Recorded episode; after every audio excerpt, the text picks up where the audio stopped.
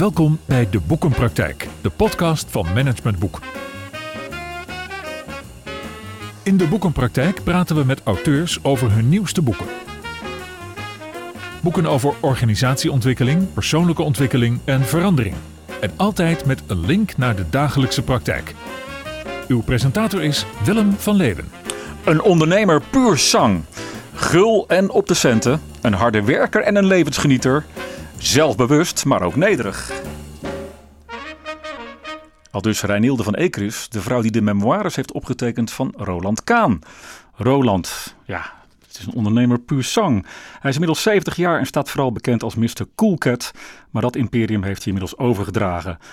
Dit boek, Mijn leven, mijn liefdes, mijn werk, bevat zijn visie op zijn leven en zijn perceptie van de gebeurtenissen in zijn leven. Ik ben ook wel trots en blij ook een beetje opgewonden, merk ik, ook aan mijn ademhaling, dat Roland vandaag mijn gast wil zijn in deze speciale aflevering van de Boekenpraktijk.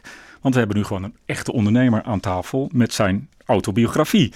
Daarom wil ik in dit gesprek met hem doorpraten over zijn jeugd, zijn liefde voor retail en winkels, zijn Coolcat Imperium, zijn stichting, Cool Foundation, zijn spiritualiteit, ook een beetje de andere kant van Roland, denk ik, zijn ziekteperiode en zijn rol als vader en partner. Nou, kortom, Roland, fijn dat je mijn gast wil zijn. Nou, fijn dat ik hier mag zijn, super. Waarom eigenlijk een autobiografie? Waarom vond je het nodig om het op te schrijven of te laten opschrijven? Nou, er was al eens een boekje over mij geschreven, een, een businessboekje, Ja. door eh, Rupert Parker Brady en Branning, twee journa- journalisten. En ehm, dat was eigenlijk een serie waarbij het eerste boek over Van Eert ging en het tweede boek ging dan over mij. Mhm. En dat was op zich best een heel leuk boekje, maar heel puur sang gericht op, ja, a few tricks. Ja, Ja? ja, A few tricks out of the business. ja, ja. En, ehm, en ik, ehm, ja, ik was natuurlijk. Je bent meer dan dat, ja. Ja, veel meer. Ja. En wat eigenlijk speelde was dat Sherry Ann had ik ontmoet. Ehm, echt mijn, laatste, vrouw, mijn, ja. mijn, mijn, eh, de vrouw waar ik eh, hoop eh, heel oud mee te worden. En ehm, die, ja, die, dat werd, is echt een, mijn soulmate. Eh, dat ik eerst één keer getrouwd ben geweest en dat was mijn eerste soulmate. Is dit eh, met stip mijn tweede en laatste soulmate, hoop ik. Verwacht ik, weet ik zeker. Hm. En ehm, ja, die had een kinderwens toen ik haar ontmoette. Dacht ik, ja, dan zit je met al die vooroordelen van alles en iedereen, waar je dan toch merkt dat je onwillekeurig besmet raakt. Mhm. Hoewel ik een, echt een vrijdenker ben. Maar even voor de duidelijkheid, voor de mensen die het weten, jouw, jouw partner, jouw soulmate Sherry Ann is 35 jaar jonger. Ja. Ja, En, ehm, wij, ehm, en die zei, ja, ik eh, wil graag een kindje. Eh, ik heb, eh zoals inmiddels begin 30 en ehm, ja, had wel wat relaties gehad, maar vond geen ambitieuze man die eh, dezelfde power had die zij. Dus weet je, de meeste mannen die zij had tegen was gekomen, die waren lief aardig, maar die gaven haar niet de drive. Dat ze Mhm. dacht, nou, dat moet nou de vader van mijn kind worden. ja. En dat hadden wij wel. En toen, eh, toen zei ik, ja, weet je wat, laten we eerst echt een jaar met elkaar doorbrengen of de klik die we hebben ook blijkt te werken. En ja, daar heb ik eigenlijk niet zoveel moeite mee. Mhm. Inmiddels had ik me ook verdiept in veel oudere mannen die eh, kinderen hadden. Nou, dat waren de Picasso's en de Bernie Ecclestones van deze wereld. Ja. Eh, en niet de buschauffeur. Niks Ja. mis met de buschauffeur, begrijp me niet verkeerd, Ja. maar het is een heel ander soort energie. Ja, Weet ja. je? Een heel ander soort ja, eh, levens. Kijk, eigenlijk zijn wij puur potentie en puur energie. Mhm. En die, die potentie en energie doorgeven eh, via je kinderen is natuurlijk heel boeiend. ja. En is Dus- dat, ook, is dat ook je missie via- van het boek? Ja, mijn boek, mijn boek was eigenlijk in eerste instantie het idee om een document achter te laten voor mijn kinderen. Oké. Moet je moet je voorstellen, de meeste mannen in Nederland gaan dood tussen de 80 en de 84. Mhm. Ja, Weet je? En ik zie steeds meer mensen om me heen doodgaan, veel jonger dan ik nu ben. ja. En ja, nou ben ik, nou denk ik dat als je ehm, de mogelijkheden hebt en zo bewust leeft als ik, dat de meeste mannen uit mijn wereld, die komen ergens tussen de 90 en nu 100 terecht. Mhm. En mensen die nu geboren worden, die gaan wel 150 worden als ze het juist aanpakken. ja. Dus we- de levensverwachting door de enorme toename van de wetenschap wordt steeds beter. Maar zeg dat ik enorm veel geluk heb, ik word 100. Ja? ja. ja. Dan ehm, kan ik mijn kindje nog 30 jaar meemaken. Maar zeg dat ik ietsje minder geluk heb, ik word 90. Dus het leek me nou zo leuk om ook voor mijn kinderen een soort document te hebben. Ja. En toen in september We waren daarmee bezig, Sherien en ik. We waren ook met het IVF-project bezig. Uh, we nu van een, vanaf sinds 1 oktober die, onze dochter, die uh, drie maanden oud is. En dankjewel, is echt waanzinnig. En, um, Hoe heet ze trouwens? Ze heet Jayla Evelyn Kaan. Oké. Okay. Ja, echt een prachtig meisje. Ja. En um, in ieder geval, toen hadden we een uh, interview met Retail Trends met mm -hmm. Van Ekris en Reinilde. En Cher die las dat en zei Roland, het is net alsof ik jou hoor praten. Zo goed heeft ze dat vastgelegd. Ik zeg, waarom vraag je haar niet of ze jou helpt met dat boek? Ja. Nou, toen dacht ik, ja, geen slecht idee. En Marcel ten Holte, de uitgever, uh, samen met zijn zoon van Retail Trends, uh, doen ook waanzinnige evenementen. Die, uh, die vonden dat wel leuk. Dus ik zeg, ja, maar het is wel voor liefdadigheid. Dus ik, um, en zij zijn ook niet echt een uitgever, dus voor hun was dat ook. Dus zij hebben me geholpen met dat hele project vaste prijs voor afgesproken. Mm -hmm. um, hebben ze me enorm mee geholpen. En Sher en ik gingen voor het IVF-project naar Amerika. Ik heb ook een bedrijf in Amerika, althans wij hebben... Ja. Het is inmiddels niet meer mijn bedrijf, het is overgedragen aan mijn zoons. Maar ik ben nog steeds de conciliëring mm -hmm. en nog aandeelhouder natuurlijk. Maar, mooi woord voor raadgever is dat. Sorry? Conciliëren is een soort mooi woord voor raadgever. Ja.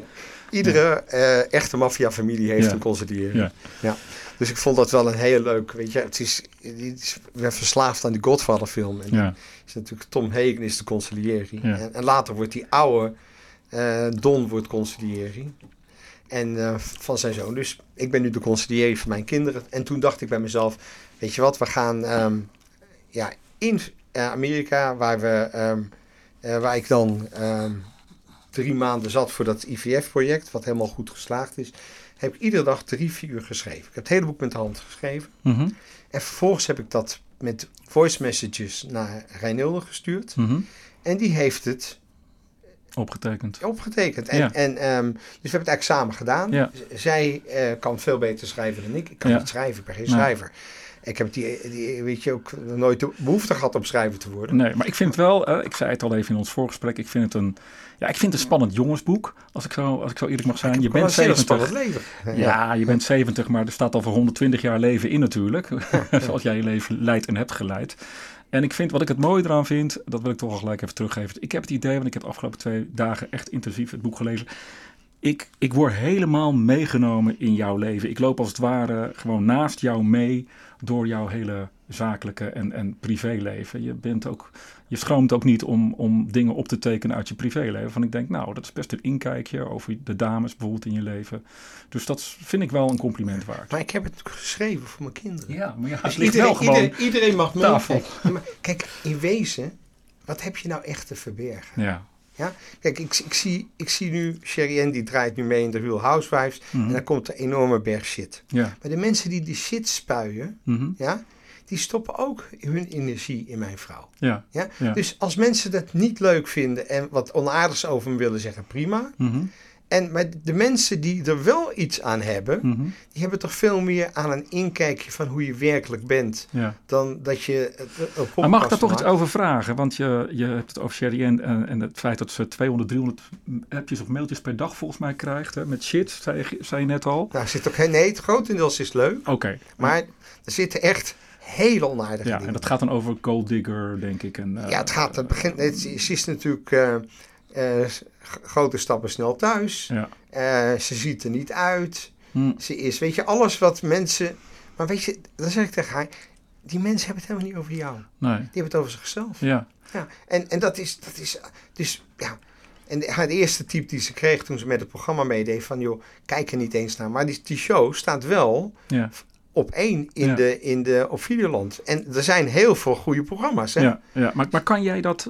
Want jij, jij steekt natuurlijk al 70 jaar lang je hoofd boven het maaiveld uit in een, in een, in een ze hebben, Calvinistisch ze hebben ook land. regelmatig geprobeerd het af te hakken. Ja, ja.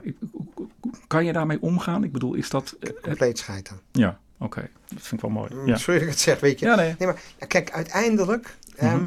wat belangrijk is in het leven, is dat je iedere ochtend met goed gemoed opstaat en Mhm. iedere avond met een schoon geweten naar bed gaat. Ja, Als je iets verkeerd doet, moet je het oplossen. Ja. Als, je, als je iemand benadeelt, moet je het goed maken. Ja. Weet je? En als je dingen verkeerd doet, moet je zeggen, ik heb iets verkeerd gedaan. eh mijn excuus, hoe kan ik het goed maken? Maar ik, ik leef als een onschuldig kind. ja. Wat, dat, dat, wat ik ook mooi vind is uh, dat je af en toe jezelf een mislukking toedicht. Je schrijft over het Coolcat Imperium als het failliet gaat. Dat heb ik, dat heb ik zelf iets niet goed in gedaan. Ja, wie moet je dan verantwoordelijk maken? Nou, dat, ja, dat is een mooie reactie. Maar er zijn natuurlijk toch... We leven wel in een maatschappij waarin iedereen om zich heen wijst, behalve naar zichzelf. Maar jij doet dat ook je huwelijk met Gabi of Gabi uh, mislukt. Uh, uiteindelijk zeg je dat dat is een grote mislukking in mijn leven ja, geweest. Dat, daar heb ik mijn kinderen pijn mee gedaan. Ja. Daar heb ik mijn ex-vrouw pijn mee gedaan. Ja, maar wat maakt dat je dat, dat je dat doet? Dat je toch dan de eerste instantie de spiegel naar jezelf uh, richt? Omdat het voor mij heel belangrijk is. Ja. Weet je, als ik niet bereid ben om te kijken wat gaat er goed en wat gaat er fout. Alleen, kijk, wat ik, wat ik niet doe, ik doe niet aan zelfkastijding. Mhm.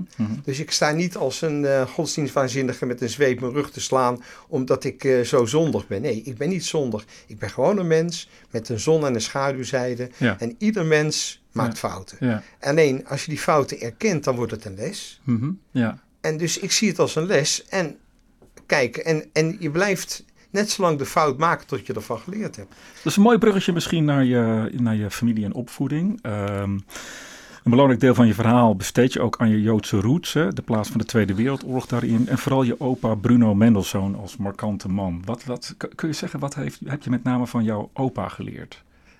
Ja, zoveel. Kijk, mijn, mijn opa was een aardsoptimist. Mhm. Ja?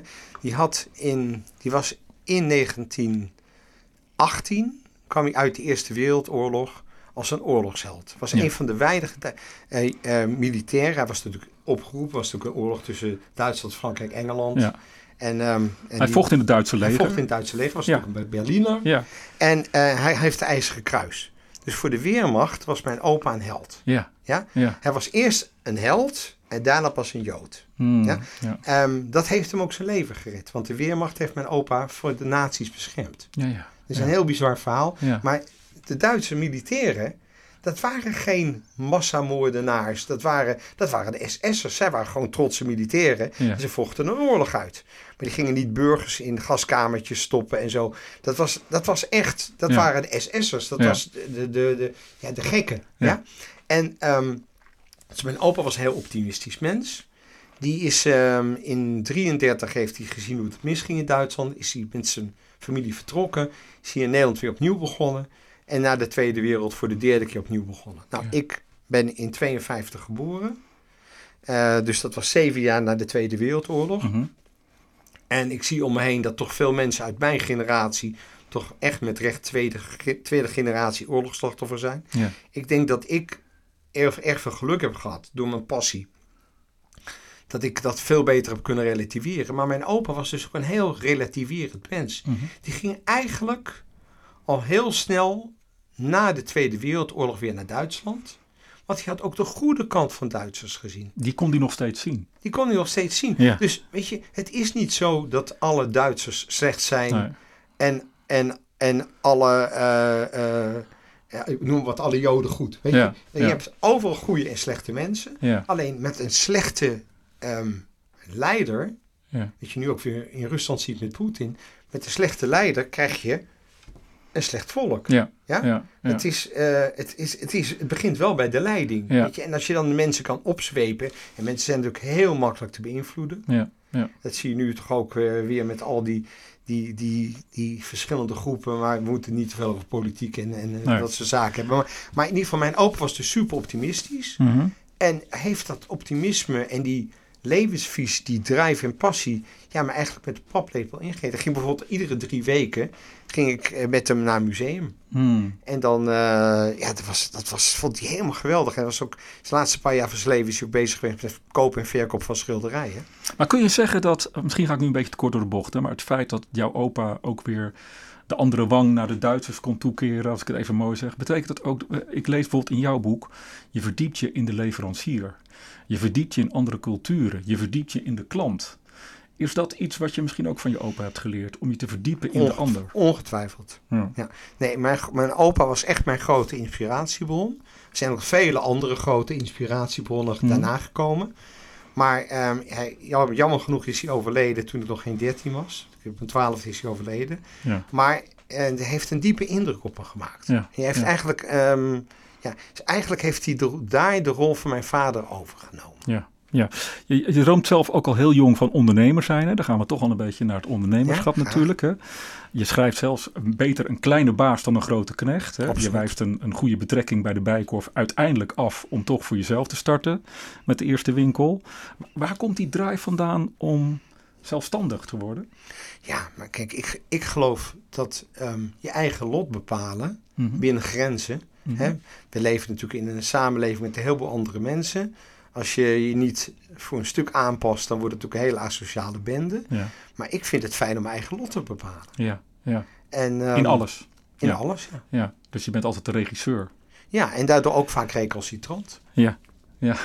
Dat, daar kom ik zo nog even op. Ik heb ook wat stellingen. Ik, ik, eh, die eerste stelling die gaat misschien wel een beetje over dat eigen lot bepalen. Daar komt die.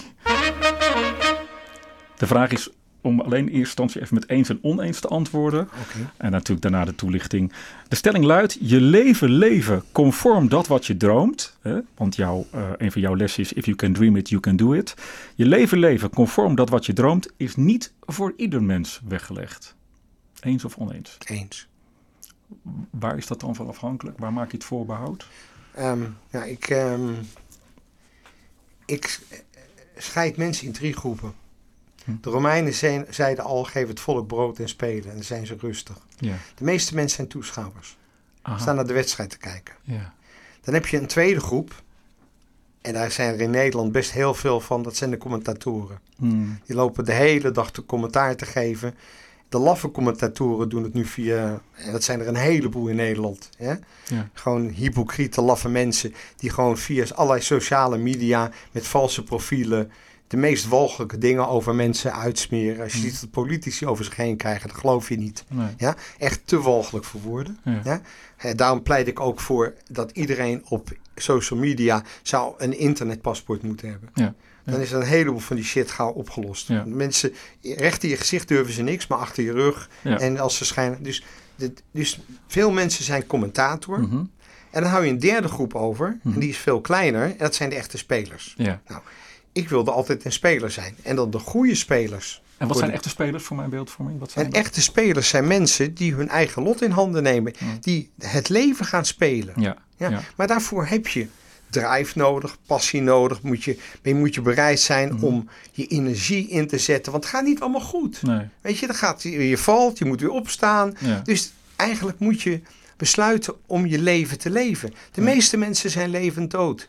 Die hangen Ja. om zes uur op de bank met een zak chips. Ja. Je ziet hoeveel obesitas er is. Ja. Dat is toch ook je eigen lichaam ja, niet respecteren. Gewoon je leven niet respecteren. En ondanks dat, Ja. wens ik die mensen al het beste toe. Mhm. Maar dat betekent dat die mensen niet hun eigen lot bepalen. Hmm. Jij hebt dat wel gedaan, dat komt ook nadrukkelijk terug. Wa- waarom, waarom, dat is een moeilijke vraag misschien om in, in een paar zinnen te beantwoorden, maar waarom lukt het jou nou om een imperium als Coolcat op te bouwen? Wat is daar nou echt het geheim achter? Nou, A, vanaf heel jong de passie. En ik had dus de droom al op mijn zestiende. Mhm. Ik denk dat dat enorm geholpen heeft. Dat Ja. ik wist wat ik wilde. Ja, En kon op dat moment mijn leven helemaal richten om die droom te realiseren. ja. Daarmee zeg je eigenlijk ook dat een droom hebben betekent ook dat je daar te alle tijden voor moet gaan. Dus. Nou, dat vind ik wel. Ja, Maar ja, kijk, heel, heel veel mensen zijn gemakzuchtig. ja, Ja. En als je gemakzuchtig bent, ja, dan eh, schiet het niet op. nee. Maar als jij, als jij niet bereid bent je in te zetten, Mhm. dan moet je ook niet Mhm. klagen als het niet eh, succesvol wordt. Nee, want als je dat imperium van Coolcat en alle andere winkelketens die daarna nog bij komen, voor, voor de zorgvuldigheid zou je het hele boek gewoon moeten lezen, dan gaat dat natuurlijk ook niet altijd van een leidakje. Het gaat met vallen en opstaan. Absoluut. Dus de discipline om maar steeds door te gaan en erin te blijven geloven, is dat dan ook een... Discipline is een hele belangrijke. Ja, ja, ja, Ik noem dat power. ja, ja. En heb je er nog een paar van dat soort sleutels waarvan je zegt van nou... eh, Ja, misschien nou, het begint natuurlijk met je eigen persoonlijkheid. Mhm. hè. Want eigenlijk een ondernemen, wat is ondernemen? Dat is uit het niets iets maken. Ja, Er was nog niks. ja, Opeens besluit Hans Breuk over platenwinkels te beginnen. ja. Ja, waren geen platenwinkels. Nee, Ja? nee. Dat was uniek. Ja? Weet je, dus een visie hebben, eh, iets zien, iets dromen, geloven in een bepaald product. Ja, Ja? En dat dan gewoon neerzetten. ja, Hè? En wanneer Ma die eh, Alibaba heeft opgezet in China, ja, qua zinnige ondernemer. ja, Ja? ja. Hè, die leeft alleen in een communistisch land, dus Werd een belangrijk kopje kleiner gemaakt. Hij is toch, hij leeft nog. Ja. Maar dat is, kan je dan ook enige, als hij een grote bek heeft, dan is, dan is hij dood. Weet je? Dus het is ook wel, ehm, je moet natuurlijk ook wel rekening houden met de omstandigheden. Wij leven natuurlijk in een Mhm. waanzinnig land, Mhm. met ondanks al het klagen en commentaar, en dat kan echt heel veel beter, Ja. hebben natuurlijk een enorm vrij land met enorm veel mogelijkheden. Ja. En ik heb de mazzel dat ik in dat land leef. Dus het begint met je personality. Ja. Dan is het natuurlijk ook je passie. Wat Ja. voor passie heb je eh, en, eh, om die personality, om dat idee. Ja? En dan die scheppingsdrift, wat ik dan potentie noem. Ja. Je, hebt, je wil iets creëren. Iets ja? toevoegen. Iets toevoegen aan het leven van klanten, iedere dag opnieuw. Ja. Weet je? En, en daar heb je dan ook weer power voor nodig om op te staan en te vallen. Mhm. En daarnaast een hele belangrijke, je moet ook altijd pragmatisch blijven denken. Ja. Ja? Ja. Ik ben een dromer. Ik, ehm, mijn zoons zijn veel pragmatischer dan ik. Ook veel beter georganiseerd, ook veel beter opgeleid. En ik denk toch dat ik dat stuk opleiding, ehm, als je begint als pionier, ik denk, ik ben echt pionier. Mhm. Mijn zoons zijn echt, echt de tweede generatie. En dan zie je ook, hebben ook alle talenten ervoor. Ja, ja. Dus zij zijn veel beter geschikt om het bedrijf, doen ze nu al twee jaar heel succesvol, Ja. om het bedrijf zoals het nu is, wat, wat meer een investment company is geworden. Maar wordt het dan ook, missen zij dan niet de, de, de, de droom en de creativiteit die jij Nee, misschien? Kijk, waar ik heel dankbaar voor ben, is dat ze besloten hebben om hun droom samen te voegen met mijn droom. Ja. Maar van mijn zoons hebben heel andere ideeën over hoe het bedrijf er over tien jaar uitziet eh, Ja. dan ik zou hebben. En Ja. dat is maar goed ook. Ja, ja, ja. Je kan niet over je regeerperiode heen regeren. Zij zijn nu aan het regeren en ik ben, eh, ja. ik ben nu de adviseur. Als ik nu eh, na het lezen van dit boek aan jou denk, dan denk ik eigenlijk aan twee woorden met alle respect. Dat is ondernemerschap, nou daar hebben we het al een beetje over gehad, maar ook wel bezieling. Ik vroeg me af, kun je het leren? Is ondernemerschap en bezieling te leren? Ik denk dat alles te leren is. Ja, ja, ja. Ook aan die, aan die groep mensen waarvan jij net zei, dat zijn de commentatoren en dat zijn de, de, de slapers, zeg maar. Nee, want die kiezen ervoor om dat niet te willen. Ja. Ja. Kijk, mensen, Het is een keuze. Een keuze. Het is een, het is een keuze ik, eh, om, eh, om op zes uur op de bank te willen liggen en ehm, eh, televisie aan te zetten en naar bullshit te kijken. Zoals eh, van Leo, van, de- van Derksen en van der Meijden. En, weet, je. Ja. weet je, heel veel mensen die worden daar hartstikke blij van. Ja, Als ik er een kwartier naar kijk, denk ik echt waar is dit waar de wereld over gaat? ja. Weet En je, misschien is dat ook een kwestie van dat ze overdag niet hun droom naleven. Dus ja, maar ze hebben geen droom. nee. Weet je, kijk, aan de andere kant is het ook hartstikke goed, hè? Mhm. Je moet toch niet over nadenken dat op een gegeven moment had ik 5000 medewerkers die allemaal maandag op de stoep stonden. Gewoon, want ik ga vandaag voor mezelf beginnen. Weet je, ik hoef niet over na te denken. Nee. Ja, maar, dus het is ook goed dat niet iedereen dat heeft. Ja, Maar ik gun het iedereen wel. ja, ja. Een andere kant van jou een beetje is dat je ook eh, ontzettend eigenwijs bent. Dat moet je denk ik ook wel zijn. Maar daarmee ook wel ontzettend drammerig kan zijn. Zo lees ik het althans. En ook wel de confrontatie verbaal af en toe aan kan gaan. Er vallen Ja. soms wat woorden ook, ook in het bedrijf, denk ik. Klopt, klopt ik, ben dat een, niet? ik ben een verbale kickboxer. Ja, ja maar, Wat ik, wat, ik fysiek, wat ik fysiek tekort kom, heb ik. Hè? Nou moest ik even denken, ik ga toch even de actualiteit erbij halen. Dat hele gedoe nu rondom Matthijs van Nieuwkerk. Met, laten we zeggen, ik, laat ik het wat breder trekken. De, de hele discussie over grensoverschrijdend, ge- ik vind het zelfs een moeilijk woord, grensoverschrijdend gedrag. Hoe kijk jij daar dan naar? Nou kijk, ik heb geen kennis. Mhm. Dus ik kan, ik ben A, geloof ik niet in oordelen zonder dat je kennis hebt. Kijk, Mhm. wij mogen allemaal oordelen over de regering. Ja, Want wij kiezen zelf die regering. ja. Ja? Ja. Ook daar hebben we niet alle kennis. Mhm. Hè, maar we zien dat daar dingen beter kunnen. ja, Ja? ja. En, en ik geloof dat je mensen moet hebben met competentie op belangrijke plaatsen. Mhm. Maar oké, dat is een heel andere discussie. Gaan we weer de politiek over in. over in. Maar ehm, ja, dus dat verhaal van Matthijs, ehm, daar kan ik eigenlijk geen zinnig woord over zeggen. Nee. Wat ik wel, wat ik wel denk, is dat in die hele televisiewereld, in die hele wereld waarbij het over imago gaat en over, weet je, het zijn allemaal echt wel enorme ego's. Ja, Ja? ja, ja. Dat daar ehm, vanuit die ego, dat mensen, ehm, ja, Brengt succes je ook niet het ego? Ik bedoel, ik kan me voorstellen als jij zo groot bent als dat je was en bent. Vergroot dat, versterkt dat niet je ego? Nou, misschien heeft dat dan met de maat van je geslachtsdeel te maken. Dus als ik naar beneden kijk, denk ik, valt wel mee. Kan ik niet over oordelen. valt wel mee. Een heel ander aspect. Wel belangrijk, denk ik. Um, op een gegeven moment richt je ook de Cool Foundation op. Ja. Kan je me even vertellen wat dat is, de Cool Foundation? Nou, het was eerst de Cool Kid Foundation. We hebben er later de Cool Foundation van gemaakt. Want we hebben zoveel bedrijven die er allemaal aan bijdragen. Dat, um, ja, wij kwamen in India. Ja. En dan word je echt, of in 86, word je echt geconfronteerd met echte armoede. Ja. Ja? Mensen hebben geen idee. In, ja, ik denk als je in Nederland het niet goed hebt, dan heb je armoede. Ja. Maar dan is niet zo dat je geen stromend water hebt. Het is ook niet zo dat je geen toilet hebt. Ja? ja? In India wonen de mensen letterlijk in een kartonnen doos. Ja. En niet één miljoen, maar tientallen miljoenen mensen leven aan de rand van de afgrond. Ja. Het rare is dat heel veel van die mensen vaak nog meer levensgeluk hebben. Dus levensgeluk heeft niet altijd te maken met met materialisme. Met materialisme. Nee. Dat is iets wat wij wel in het Westen iets te veel op gefocust zijn, op ratio en materialisme. Ja. En de spirituele kant en uh, onze bezielingskant uh, slecht ontwikkeld hebben. Mm En ja, en toen, zag ik, toen begon ik dus met uh, die kinderen uh, centjes te geven. En toen zei de fabrikant van me, nou, het gaat helemaal nergens over. Ze moeten dat een criminele afgeven. Nou, mhm. toen ging ik, vlak bij mijn hotel was een Bata-winkel. Hmm. Die Bata, dat, die zat in India overal. Dus ik had het net een soort slangen.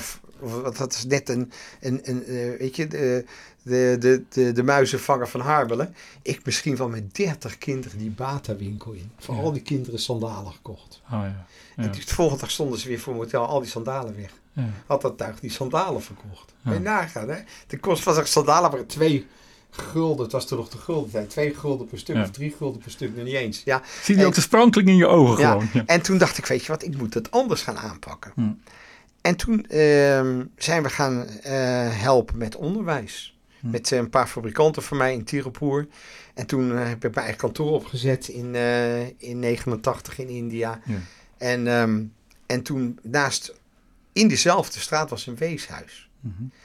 En toen zijn we dat weeshuis gaan sponsoren. Ben ik voor al die kinderen, nam ik speelgoed mee en dingen. En weet je, dan, uh, en dat was helemaal geweldig. En dan kwam ik drie maanden later, had dat personeel het speelgoed verkocht. Jeetje. Ja, ja, want die mensen hadden ook helemaal geen piek. Nee. Die, dus toen op een gegeven moment hebben we al dat personeel op de loonlijst gezet, dat ze niet onze spullen gingen verkopen. Nee? ja. Ik zeg ja, weet je, of we geven jullie aan, ja. ja of uh, dan gaven die mensen 20 uh, eh, gulden per maand. Ja. Dat extra. Maar dan moesten ze wel voor de fikken van die spullen afblijven. Nou, en, zo, en daar is het eigenlijk mee begonnen. Hmm. En toen hebben we, ja, zijn we allerlei andere projecten in India gaan doen. Ja. En dat, is, dat heeft zich later wat uitgebreid. Ja. En uh, dat, ik ben nu nog namens de familie zit ik in het stichtingsbestuur. Mm Maar dat ga ik nu overdragen dit jaar aan mijn dochter, Joël. Die, uh, die is de sociale, het sociale geweten van de familie. Ja. Die uh, staat in Libanon ramen te timmeren. Van, uh, die, is, die is de hele dag bezig met hoe kan de wereld mooier worden. Mooi, mooi, ja. En iets anders, de opbrengst van dit boek ehm, gaat ook volledig naar het Antonie van Leeuwenhoek ziekenhuis. Absoluut. In het kader van het kankeronderzoek. Ja. En dat is niet zomaar, omdat je in 2018, meen ik, zelf getroffen werd. Door, 17. Sorry, 17, door melanoomkanker. Ja, maar 18 ben ik behandeld. Ja. 17 is het geconstateerd. En toen ben ik geopereerd, zou ik schoon zijn. Althans, toen zei het team, er kunnen zwevende cellen zijn. Dat bleek ook zo. Mm Dat is het gevaar van melanoom. Die celletjes kunnen alle over opduiken. En toen ben ik in 18 had ik uitzaaiingen. En toen ben ik um, met twee soorten uh, immuuntherapie behandeld. Hm. En uh, dat kon toen eigenlijk nog niet, want er was toch geen wetenschappelijk onderzoek naar gedaan. Maar toen is de ene professor gestopt op maandag en de andere is op woensdag begonnen. Dus we hebben ons strikt aan de regels gehouden. Dat was binnen zes weken schoon. Ja. Ja. En toen hebben ze daar... Een, door die combinatie van door die combinatie. En daar hebben ze toen een klinische test van opgezet. Mm -hmm. Daar heb ik toen uh, een derde van die test met onze stichting ook betaald. Mm -hmm. was eigenlijk niet helemaal de doelstelling van de stichting. Maar vond het zo belangrijk. Ik zeg, weet je wat, ik stort uit mijn eigen privézak extra geld in de stichting. Maar dan lopen we, laten we het wel via de stichting lopen. Ja. Anders wordt het zo'n rommeltje. Weet je, het, is, het, toch wel een beetje, we hebben die stichting, laten we alles daarmee doen. En dat, ja, die trial... Um, um, die is een enorm succes geworden. Voor mm. mensen met fase 4 en 5 kanker, meer dan de helft van de mensen zijn nu tumorvrij. Mooi. Dus dat is echt fantastisch. En, um, maar nu wil graag het AVL weten. Ja, ik zeg tegenwoordig wilden wij weten. Ik ben, mm. ja, het is, ik ben natuurlijk maar um, een patiënt, maar ik ben enorm betrokken met AVL. Wat Ja. een fantastisch ziekenhuis hebben we daar. En nu wil het AVL graag weten, hoe kan het nou dat 55% wel aanslaat en 45% niet? Heeft dat met DNA te maken? Dus nou, daar is een vervolgonderzoek van. Ja. En dus het boek ehm, Ja. gaat daar naartoe. Naar En het boek moet nog veel meer verkocht worden, hè? want je moppert ook een beetje tussen aanhalingstekens toen je net binnenkwam, van dat het eigenlijk dat je het onbegrijpelijk vindt dat zo'n boek maar gewoon niet, eh, niet in grote Nou, getalen nou kijk, het, het, voor een zakenboek, we hebben nu 2000 van die boeken verkocht, Ja. is het helemaal niet zo slecht. Maar ehm, ja, ik wil iedereen graag uitnodigen om mijn boek te kopen. A, ik denk dat er echt dingen in staan waar mensen wat aan hebben. Het is echt heel, eh, het is echt mijn leven en ik heb natuurlijk meer goed dan fout gedaan. Mhm. Maar ook juist van de dingen die ik fout heb gedaan, kunnen mensen veel leren. ja. Dus ik denk dat het, eh, ja, dat het, dat je er echt iets aan hebt als je het boek koopt. Ja. En dat je er ook blij van wordt, denk ik. Want het is gewoon een heel positief boek. En met heel veel humor erin. En, ehm, maar vooral ook, het is hartstikke fijn dat eh, het grootste deel van de prijs van het boek ook meteen voor iets goeds ge- eh, gebruikt wordt. absoluut. Heeft die periode van, van toch een levensbedreigende ziekte jouw leven nog veranderd? Nou, ik ben nog, natuurlijk nog bewuster. Hmm. Ik, heb natuurlijk, ik ben eh, nog steeds patiënt. Ik, ben, ik heb, had in, september weer een tumor en die is nu weer weg gelukkig. Hmm. Maar, ehm, dus ik ben nog steeds aan de medicijn en het heeft ook wat bijwerkingen. Dus bijvoorbeeld, ik heb veel krampen. Eh, ik, heb, ehm, ik kan niet meer zo fanatiek sporten als ik eh, kon. Mhm. Ik had, eh, voordat ik kanker kreeg, een waanzinnig lijf. Ja. ja. En nu, eh, ja, ik, ik, weet je, ik, ik heb... Want je sportte elke dag, je deed een ja, ik, ik, verjongings... ik, ik doe nu, ik doe nu twee keer in de week heb ik een personal trainer, twee keer in de week yoga. Ik probeer één of twee keer in de week te zwemmen. Mhm. Maar ik wil, als ik bijvoorbeeld gedwongen heb, dan twee, drie uur later, ehm, door die, al, die, al die giffen, die, want Ja. die, die medicijn is natuurlijk, heeft een hele goede werking. Het maakt die cellen dood, maar het maakt ook een heleboel gezonde cellen Ja, dood. ja, Dus ik ben eigenlijk continu aan het knokken tegen die medicatie. ja, ja. En, ehm, maar het is ook een mindset. Ja. Weet je, ik- ik heb kramp en dan eh, doet, doet het pijn. En dan, eh, ja, dan, dan eh, ga ik daar naartoe ademen. En dan focus ik dat die pijn weg is. En dan gaat die pijn weg. Mooi. Alleen, ja, komt een kwartier later weer terug. Ja. En dan, je, dus je moet continu, Continu weer moet je daar wel je Ja, mind eh, op je mind focussen. Ja. Brengt ons bij de volgende stelling. Dat is een beetje de spirituele stelling misschien. Die luidt als volgt. Je krijgt niet wat je wilt, maar je krijgt wie je bent. ja, Ehm, dat is een beetje, oh, denk en ik je krijgt ook wat je geeft. Ja, ja, En wat je geeft is wat je bent. ja. Want je bent ook enorm aan de slag gegaan met je persoonlijke en spirituele ontwikkeling. Hè, van Osho en Bhagwan tot Essence. Eh, Ja. Je noemt een aantal spirituele leermeesters. Ehm, wat is in de kern wat je, wat je geleerd hebt op dat spirituele gebied? Kan je dat, kan je dat proberen samen te vatten? Ja, eigenlijk zijn wij een heel klein stukje licht in het licht van het universum. Mhm. En hoe harder je je eigen stukje licht kan laten branden, hoe meer je helpt om het levenslicht van, de, van het universum te laten branden. Ja, dus eigenlijk is het het uitstralen van je positieve Ja, energie, ja. zeg maar, om dat ook terug te krijgen uit het universum. Is dat wat je zegt? Absoluut. Ja, ja, ja. Als je mooier verwoord dan ik. Ja, Ja. want je, je schrijft letterlijk, als je iets wilt, moet je het visualiseren en uitspreken, dan komt het op je pad. Absoluut. Heeft het altijd zo voor je gewerkt? Ja, Nu ook weer met die soulmate. Weet je, ik, eh, ik was eh, natuurlijk... dat is een ehm, mooi verhaal, ja. Ja, Ja, kan je dat misschien weer even... Ja, heel kort, ja. ik, ehm, ik was... ehm, ja, ik had eh, best een aantal verkeerde relaties. Ik, was, ik had echt een fantastische, sexy Turkse golddigger ontmoet. En eh, ja, niks... eh, ze is Nederlands, maar van Turkse afkomst. En ja, dat was echt een heel slecht... eh, althans, die vrouw was echt, echt gefocust op... En ja, ik was zo verliefd. Ik, eh, dat ging helemaal mis. Nou, En- voordat we naar die soulmate gaan, sorry dat je daarin Ja. onderbreekt. Maar wat er ook gebeurt bij jou is, je kan zo verliefd worden en zo opgaan in een vrouw, dat het Ja. bijna je carrière verwoest, hè? Nou ja, ik, eh, er is niks mooiers in de wereld dan een vrouw. Ja. Als ze ooit iets moois uitvinden, blijf ik er drie keer in de week bij doen. ja. ja. nee, Ja. ik ben, eh, ik, ik, geloof, ik geloof ook als ik gereïncarneerd moet worden, dan wel graag een keer als vrouw. Ja, ja. Ja. Oké, ja. En uit- dan, dan, dan na, na deze ervaring met deze Turkse golddigger, als ik het zo mag Toen, en, vragen. toen, en toen had ik een vrijgezelle tijd. en mijn eh Kabbalah-leraar, die logeerde bij me. die woonde in Israël. En die, eh, als hij in Nederland kwam, woonde die bij me. En dan zei hij, zag hij aan het ontbijt, eh, ja, kwam van alles voorbij. Want er was ook van alles. Ja. En zei hij, Roland, ik zie een heleboel prachtige vrouwen. Je hebt een goede smaak. Maar is dit nou hoe je oud wil worden? Ja, ik zeg, ja, nee. ja, het liefst zou ik weer een, een, een levensmaatje hebben. Want die had je wel met je, met je eerste, met de moeder van je. Ja, ik ben eerste kinderen. 24 jaar getrouwd Ja, geweest. ja. We kinderen hebben elkaar. We, hebben heel veel ups en downs meegemaakt, maar het was een heel bijzonder, een heel bijzondere vrouw. Ja. Ehm, Ik ben dan ook nog steeds heel dankbaar. Mhm. Maar ja, eigenlijk, ehm, ik had natuurlijk mezelf verder doorontwikkeld. Ja. Dus en toen zei hij, "Zet- sch- vo- visualiseer nou eens hoe die soulmate eruit ziet. En toen ben ik dat op papier gaan zetten met de hulp van een andere vriend van mij, Yves Sagif van Essence. Mhm. En die heeft een waanzinnige organisatie om mensen ja, bewust te maken van hun eigen innerlijke kracht. Ja. En ik kan die trainingen zeer warm aanbevelen. Maar in ieder geval, toen heb ik dus een lijst gemaakt met al mijn zwaktes en mijn valkuilen. Mhm. Ik eh, vind eh, vrouwen die er spannend uitzien heel boeiend. Ik had misschien iets te veel focus op de seksualiteit. Mhm. En ja, dat in balans brengen. En toen heb ik dus een lijstje gemaakt met welke eigenschappen. Ik heb dus ook een vrouw nodig die financieel zelfstandig is. Ja.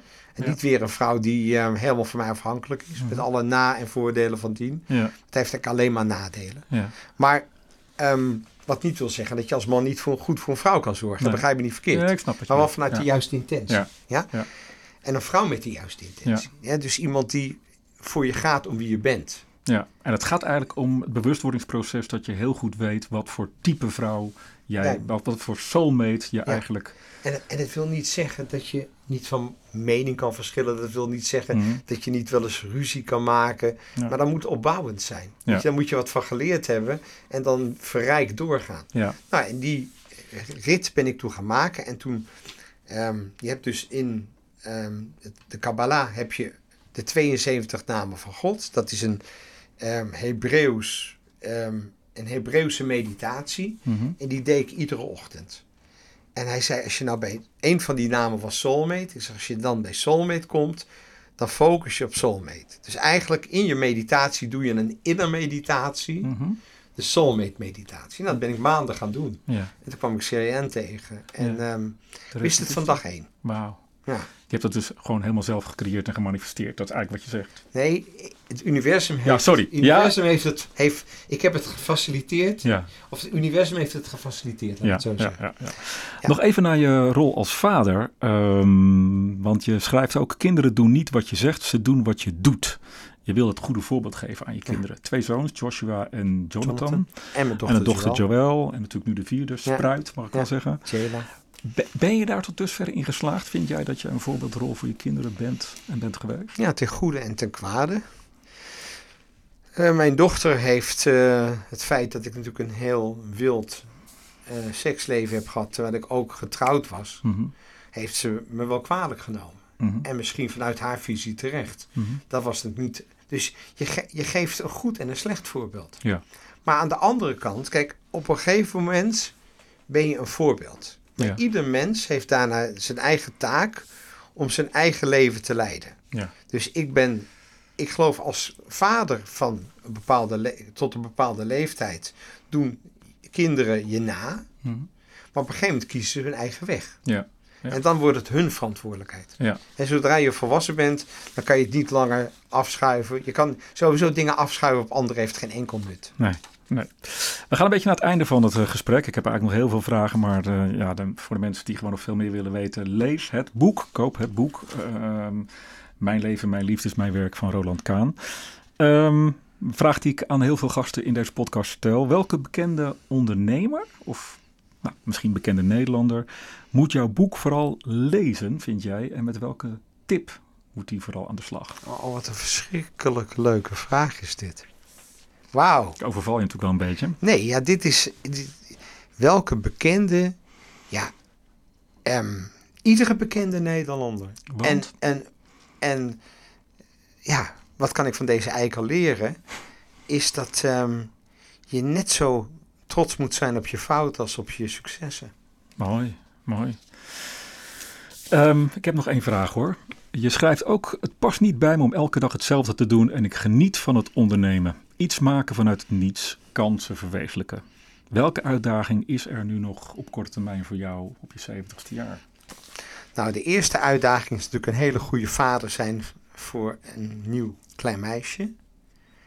Ehm, de tweede uitdaging is om alle mijn kennis en ervaring um, het, ter beschikking te stellen aan het bedrijf waar nog haast 3000 mensen werken en waar mijn uh, de scepter zwaaien. En dat doen ze fantastisch.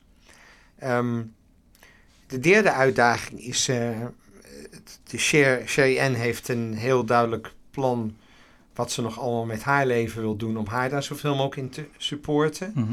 En um, te zorgen dat zij kan, haar dromen kan verwezenlijken. En daarnaast zitten we na te denken over een nieuw televisieformat. Ja. En dat ik de conciliëring noem. Mhm. Waarbij je eigenlijk um, ja, ondernemingslessen in de praktijk brengt. Door ze te, ja, door ze te, te gebruiken um, in contact met ondernemers uh, die ja, voor moet ik, dat voor me zien, moet ik dan voor me zien dat jij meedraait in een bedrijf of meeloopt met een ondernemer? Nou, en ik, ja, ik, ben, ik, ben er nog, ik ben er nog aan het puzzelen aan het format. Maar uh, als je naar de Profit kijkt op SBS 6, mm -hmm. Dan zie je de Amerikaanse versie van wat ik ongeveer gedacht heb. Oh ja, ja, ja. ja. Maar ik zou het dan wat nuchterder willen maken. Ja. En wat minder. In Amerika maken ze alles uh, overdrijven, is een kunst in Amerika. Ja. Nou, laten we dan met die overdrijving eindigen. Um, jij wordt 120, dat is over 50 jaar. Oh mijn. Dan word ik 108, dat is ook over 50 jaar. Spreken we elkaar weer. Ik hoop het. Laten we in ieder geval elkaar voor die tijd ook af en toe spreken. Het wordt erg leuk om, uh, om met je dit gesprek aan te gaan. En ik hoop Dankjewel. oprecht dat heel veel mensen Kaan, mijn leven, Ja, mijn liefdes en mijn werk gaan kopen. En um, ik hoor ook graag de feedback. ja managementboek.nl is te krijgen, vnd.nl. Het is sowieso e- enorm online te krijgen. Wat minder in de boekenwinkel, maar daar wordt aan gewerkt, begrijp ik. Want het is echt een jongensboek. En het is een bezielend boek. Dankjewel, uh, Roland Kaan. Dankjewel. Um, ja, het leven van Roland Kaan was voor mij een inspirerend voorbeeld van een man met passie, creativiteit en bezieling. En ik hoop dat dat overgekomen is in deze podcast. Ik verwijs jou als luisteraar van deze podcast weer heel graag naar de volgende aflevering. Die is over twee weken weer op alle grote podcastkanalen te vinden.